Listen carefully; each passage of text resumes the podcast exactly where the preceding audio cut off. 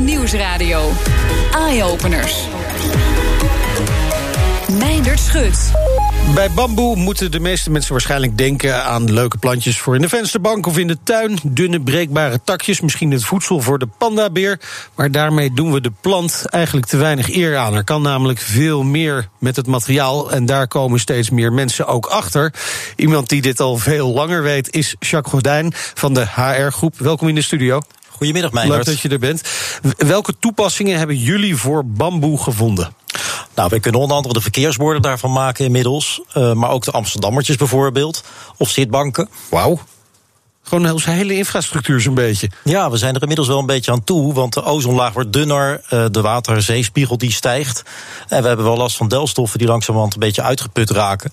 Dus uh, de CO2-belasting, daar letten we op. En natuurlijke materialen komen daarvoor in de plaats. Ja, dus niet alleen het feit dat het kan met bamboe. Het heeft ook echt waarde om het met bamboe te, te doen. Maar wat is dan het grote voordeel van bamboe... waardoor het niet zo milieubelastend is? Nou, het groeit heel snel, 80 centimeter per dag. En er wordt iets van 20 tot 25 procent gekapt uh, per jaar. En groeit dus automatisch weer bij. En tijdens die groei absorbeert het CO2. Kijk aan, dat is uh, een belangrijk uh, gegeven natuurlijk. We schakelen even naar Pablo van der Vlucht, gepromoveerd bij de TU Delft op bamboe. Ja, dat kan. En uh, nu werkzaam voor Moso. Welkom in de uitzending. Ja, goedemiddag. Ja, goedemiddag. Jij zit in Londen op dit moment, vandaar dat je niet in de studio kon zijn. We hebben het over bamboe. Nou zijn er ontzettend veel soorten. Zijn al die soorten ook even geschikt? Nee, er zijn 1500 bamboesoorten en er zijn eigenlijk maar een paar geschikt echt voor industriële verwerking. wij gebruiken de soort mozo-bamboe uit, uh, uit China. Nou, dat, dat is een reuze bamboesoort die tot 20 meter hoog uh, groeit. Wat Jacques al zei, dat gebeurt uh, eigenlijk binnen een paar maanden. En dan als het oogst rijpt uh, na een jaar of vier, vijf. Dus ja, daarom is er per definitie geen sprake van ontbossing, omdat je jaarlijks ja, ja. kan kappen. En is het product ook stevig genoeg? Hè? Want we kennen bamboe wel als bouwmateriaal in Azië met name. Maar hier eigenlijk nauwelijks. Ja, dat is goed om even inderdaad erbij te vertellen. Waar wij het hier over hebben is het bamboe in het schil verwerkt. Dus de strips uh, worden gelamineerd tot echt ja. keiharde platen of balken uh, of vloeren. En het heeft qua ja, eigenschappen uh, evenaard het hardhout. Dus dat is echt geen laagwaardig product meer. Het lijkt ook echt typisch op hardhout wat je ziet. Dus wel de milieuvoordelen van de snelle groei en de grote CO2-opslag, maar niet de nadelen. En de verwerking ervan, heb je daar ook mogelijkheden om minder CO2-uitstoot mee te hebben? Nou ja, goed, per definitie, omdat het ontzettend zo groeit, neemt het al meer CO2 op dan welke andere uh, ja. plant dan ook. Um, wil je het echt gaan toepassen op plekken waar normaal echt heel erg milieubelastende materialen uh, uh, gebruikt worden, hè, dus zoals bijvoorbeeld de, bij de productie van aluminium of van kunststof, plastic, PVC, komt ontzettend veel CO2 vrij en ze niet hernieuwbare grondstof. Nou, op het moment dat je dat, dat soort in dat soort hoogwaardige toepassingen, zeg vooral buiten, exterieur toepassingen, ja. en, gevels, terrassen, verkeersborden, als je dan op zich dat soort energiebelastende materialen gaat uh, uh, vervangen met uh, industrieel verwerkt bamboe. Dan, ja. ja. dan heb je een ongelooflijk groot CO2-voordeel. ja, Jacques zei inderdaad, die had het al over verkeersborden, Amsterdammertjes, dat soort dingen. Infrastructurele zaken. Maar je hebt het ook over de gevel. Kan ik bijvoorbeeld ook, laat me zeggen, een kozijn van, van een raam uit bamboe laten maken? Ja, dat kan. Uh, dat is allemaal wel een vrij recente ontwikkeling. Je moet bedenken, tien jaar geleden kende nog niemand bijvoorbeeld de bamboevloeren. En tegenwoordig nee. kunnen we dus uh, bamboe buiten uh, gaan toepassen. Ja, en dan maak je echt grote slagen, omdat je dan dus ja, high-performance materialen, dus aluminium en kunststof, kan ja. gaan vervangen. Inderdaad, voor buitenkozijnen, maar inderdaad ook geveldelen en vlonderplanken, grondwegwaterbouw. Wow. Dus daar is nog heel veel te halen. En eigenlijk staan pas, in de, staat pas in de kinderschoenen en aan de, ja, aan de, aan de vooravond van ja betreft van een ja. uh, bamboe-revolutie. Bamboe-revolutie, ja, het zijn jouw woorden, maar ik zou ze bijna overnemen. Dankjewel voor nu, uh, Pablo van der Vlucht. We gaan even terug naar jou, Jacques. Ja, we hoorden al het woord duurzaam natuurlijk voorbij komen, een paar keer. Maar um, we hebben het dan nu over... Uh, verkeersborden van uh, bamboe. En dan denk ik bijvoorbeeld ook aan die matrixborden. Heeft, heeft het dezelfde technische mogelijkheden? Nou, je kunt er een open implementeren. In feite is het materiaal iets van 2 centimeter dik wat wij op dit moment gebruiken. Ja. Dus er worden gaten en allerlei sleuven ingevreesd. Daar kunnen we dingen inzetten, zoals, zoals een sensor. Ja, ja, exact. Oké, en, en dan kun je dus ongelooflijk veel ermee. Uh, jullie produceren niet alleen verkeersborden, hè. je zijn ook echt bezig met dat grotere plaatje. Je noemde al die Amsterdammertjes, maar uh, wat moeten we allemaal gaan bereiken met bamboe? Want het is, het is, ja, het is voor, voor mij nog wat moeilijk om zo groot te denken gelijk. Ja, het leuke is dat het enorm leeft. De 100% circulariteit, dat speelt. De hogere overheid wil dat heel graag. En dan moet je het ook aantoonbaar maken. Dus ieder product krijgt eigenlijk een paspoort. En daar staat in van waar komt het vandaan? Is er kinderarbeid uh, op van toepassing? Is er een milieubelasting?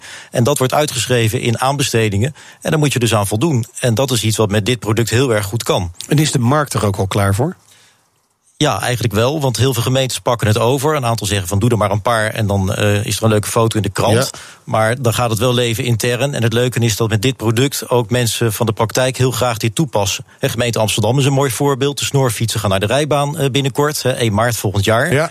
Nou, die hebben gezegd van joh, het totale plaatje wat we daarvoor nodig hebben aan beboording gaan wij doen in bamboe. Wauw.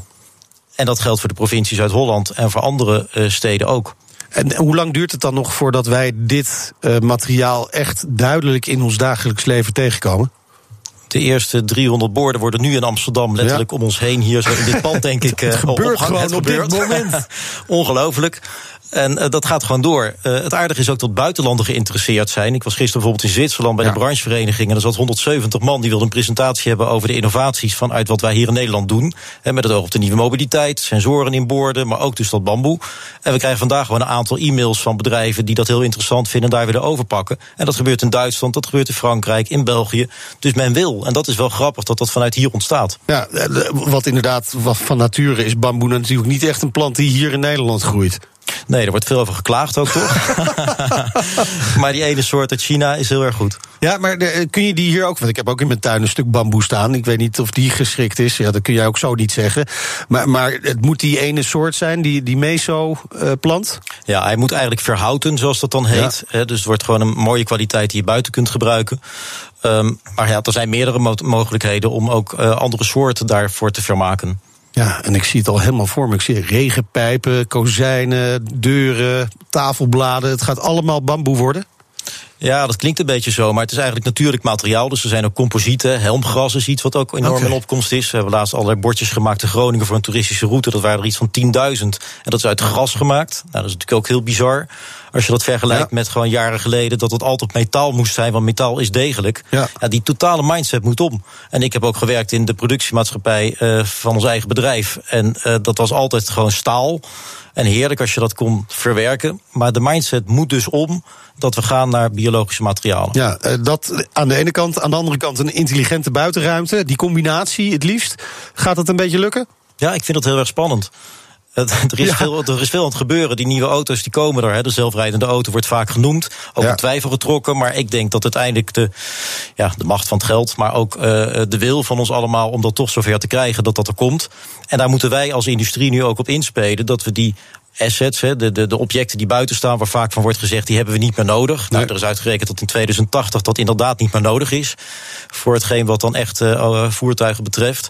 Maar daarvoor hebben we natuurlijk een transitieperiode. Dus wij vinden het leuk dat we een inventarisatie hebben mogen maken van al die objecten die buiten staan. In eerste instantie voor de verkeersborden. Dan ja. gaan andere objecten volgen. En dat we dat in die database zetten en benoemen van wat we dan gaan weghalen, want dat hebben we niet meer nodig. En daarmee kunnen we dan ook weer uh, de transitie vormgeven. Dat we een wat vriendelijker, uh, veilig en comfortabele ja. buitenruimte maken. Wauw, mooie stappen in ieder geval op dat gebied. Dankjewel, Jacques Gordijn van de HR-groep. En Pablo van der Vlucht van Mozo vanuit Londen. BNR Nieuwsradio. BNR Eye-Openers. Als je nou wilt weten of je lichaam een beetje een gezonde vetverhouding heeft, dan gebruiken de meeste mensen daar de BMI, de Body Mass Index, eh, voor om dit te berekenen. Maar ja, die meting is enorm achterhaald. Tenminste, dat meent uh, Robert Memelink van de Hogeschool van Amsterdam. Hij test technieken waarmee het wel goed, waarmee we het wel goed kunnen meten. En Carlijn Meinders die ging bij hem langs. Mijn naam is Robert Memelink. Ik ben docent-onderzoeker bij de opleiding Voeding en Diëtetiek... Eh, bij de faculteit Bewegen, Sport en Voeding van de HVA. Robert, waarom sta ik hier in mijn badpak terwijl het buiten 10 graden is? Nou, we gaan vandaag bij jou een uh, meting doen van jouw vetpercentage. Je weet wel dat, dat uh, vaak wordt gekeken naar gewicht en BMI om uh, gezondheidsrisico in te schatten.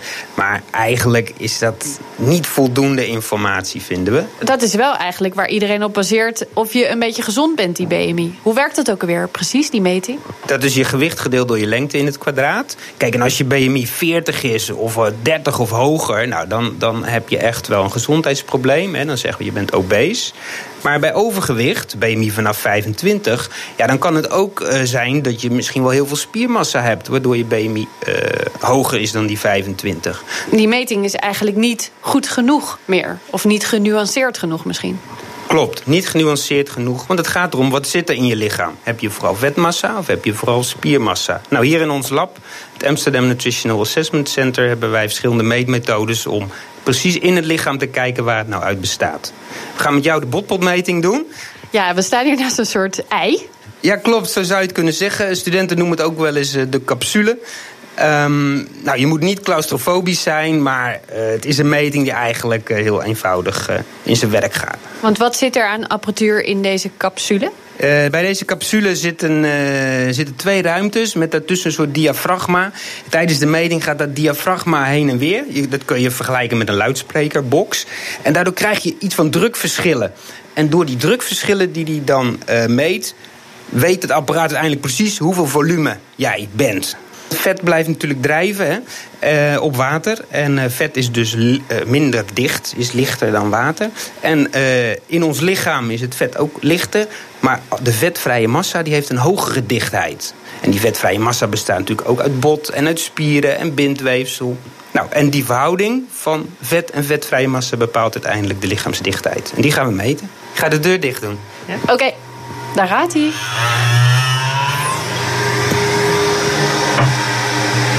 Ik hoor nu ook helemaal niks meer van wat er buiten dit ding gezegd wordt. En het voelt een beetje alsof je gaat landen in een vliegtuig. Een beetje druk op je oren, maar dan in een soort golfbeweging eigenlijk. Viel het mee, de meting? Ja, dit viel hartstikke mee. Ik okay. hoefde alleen maar stil te zitten. Dat, dat gaat wel, ja. Goed zo. Nou, we gaan kijken naar de uitslag. Ja, we zitten nu weer eventjes in onze gewone kleren. Moet ik me zorgen maken of was het allemaal wel oké? Okay? Nee hoor, je hebt een gezond vetpercentage. Oké, dus mijn lichaamssamenstelling is niet afwijkend. Oké, dat is goed om te weten. En voor mij is dit natuurlijk niet het allerbelangrijkste op dit moment. Maar dit kan wel voor mensen die af willen vallen, of moeten vallen. En voor oudere mensen wat betekenen. Moet ik het dan voor me zien dat dit dat dit apparaat toch straks bij alle huisartsen gewoon moet staan. Hoe kunnen we zorgen dat deze meting nou dichter bij de gemiddelde mens komt? Ja, dan moeten we toch kijken naar iets andere apparatuur. Die gebruiken we hier ook in het lab. Bijvoorbeeld een BIA-meting. Die apparatuur is wat goedkoper. Uh, mensen kennen dat misschien wel, een weegschaal met een stroompje. Uh, stroompje? Ja, ja, een heel zwak stroompje dat dan door het hele lichaam gaat. De handen, voeten. Dat klinkt zo naar. Ja, dat klinkt naar. Daar voel je niks van. Kan ook uh, geen kwaad? Nee, dat kan geen kwaad. Alleen het enige is dat mensen met een pacemaker of elektrisch implantaat... die mogen de, die meting niet ondergaan. Nee. Maar, maar dit is dus apparatuur wat wel bij elke huisarts zou kunnen staan? Ja, dat zou kunnen. En wat wij in het lab doen is ook uh, dat soort weegschalen uh, testen... tegen uh, deze meting met het apparaat waar je net in hebt gezeten. En dan kunnen we eindelijk een beetje af van die, van die gemiddelde BMI. Dat zou mooi zijn in, als dat in de toekomst kan. Je hoorde Carlijn Meinders in gesprek met eh, Robert Memelink van de HVA. Wil je een foto van de capsule en het badpak zien? Nou, kijk dan even op de Twitter, het Twitter-account van BNR. En straks een nieuwe speech-to-text technologie en een slimme tegel voor hardlopers. BNR Nieuwsradio. BNR Eye Openers. Bij het schaatsen is het al heel normaal. Een visueel seintje dat aangeeft welk ritme je zou moeten hebben. Maar voor hardlopers is nu iets vergelijkbaars in de maak. Een slimme stoeptegel. De, lead, de Let's Lead. De Let's Lead, moet ik zeggen. Koen Smit van Ooyen, vierdejaars student elektrotechniek aan de HVA. Kan ons daar meer over vertellen. Leuk dat je er bent. Ja, dit is een soort hardloopmaatje in de straat. Ja, klopt inderdaad. Um, wij hebben een uh, slimme stoeptegel ontwikkeld. Uh, die je in de straat verwerkt in een soort hardlooproute. Waarbij je als gebruiker een tempo kan instellen. En dat er dan een lamp verspringt van stoeptegel naar stoeptegel. En zo kan je dus je eigen training instellen en je eigen doelen behalen. Oké, dus ik, ik stel zelf in, ik wil dat tempo lopen... en die slimme toep, stoeptegel, die, die onthoudt dat, die weet dat... en die gaat vanzelf aan als ik eraan kom. Ja, klopt. Die, die, die stoeptegels die zijn draadloos. Die moet er eigenlijk zijn als het lampje aangaat, zeker?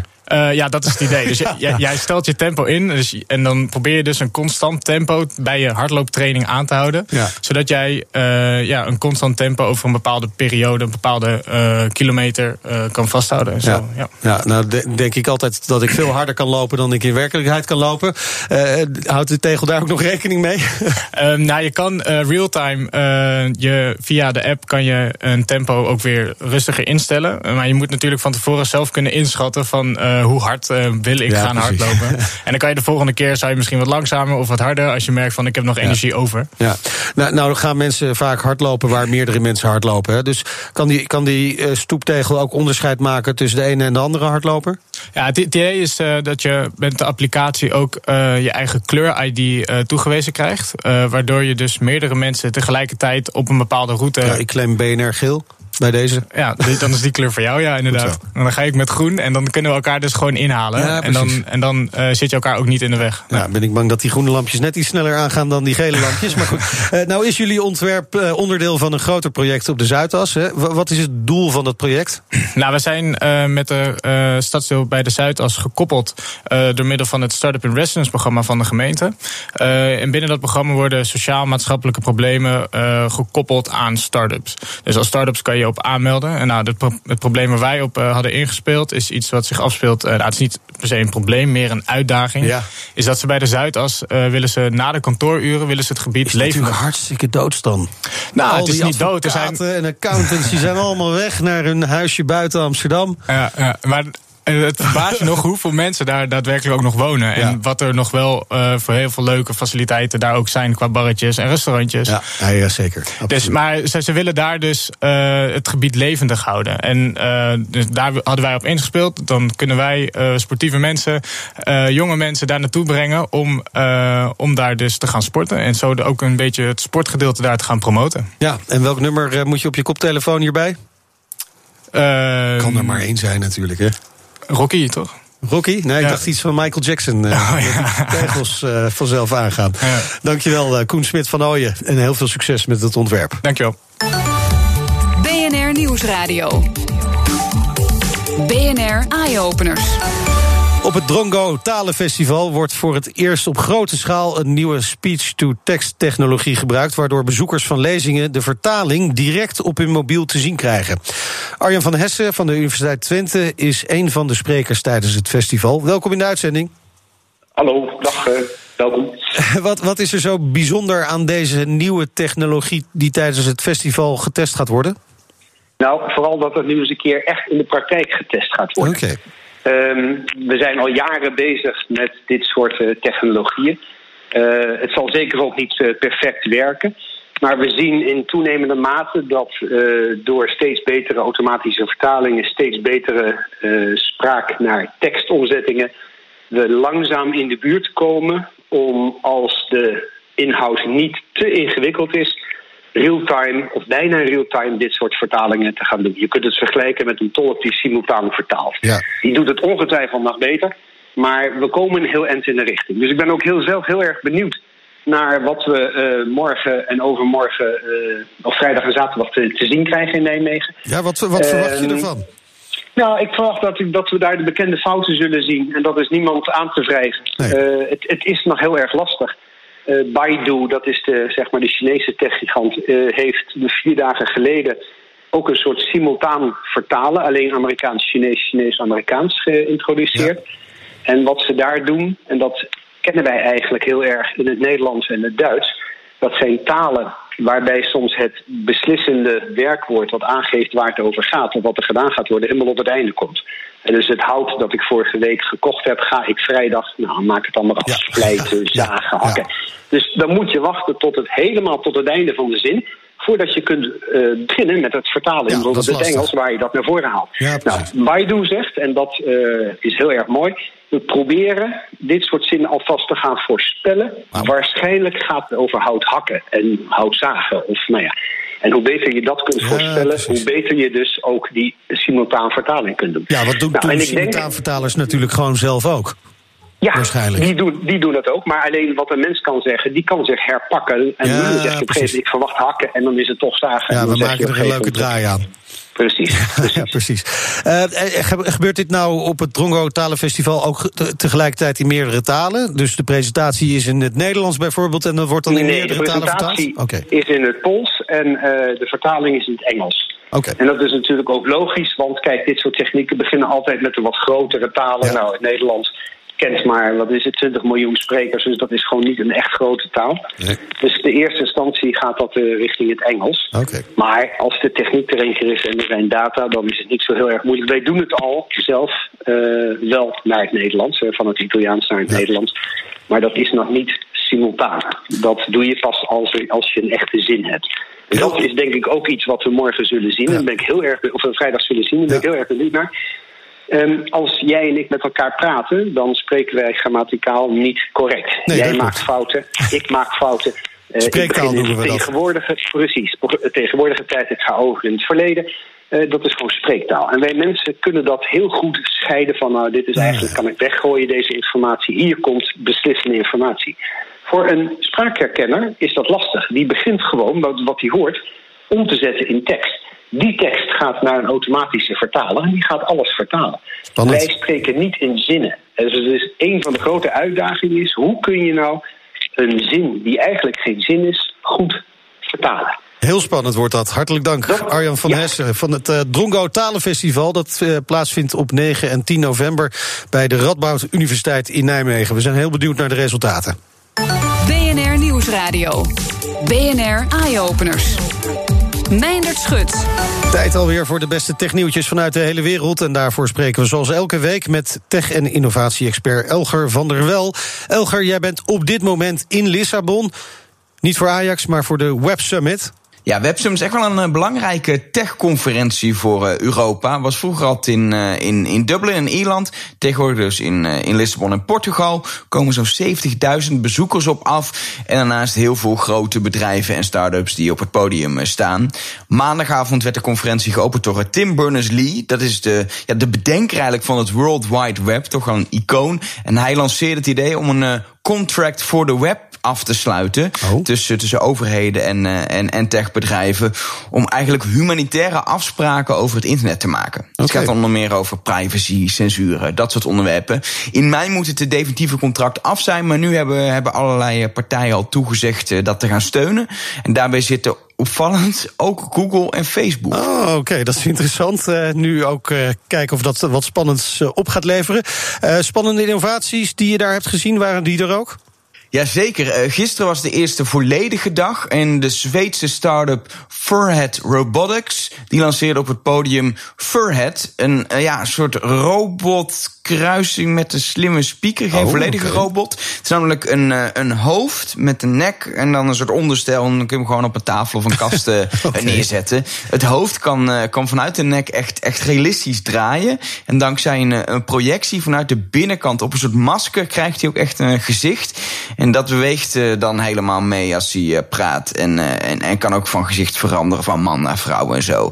Best wel indrukwekkend om te zien, maar tegelijk vond ik het heel eerlijk ook wel een beetje creepy. Ja, zeker een beetje creepy, zo'n robothoofd op je tafel. Dankjewel, Elger, voor nu. We horen ongetwijfeld nog meer nieuwtjes over de Web Summit in Lissabon.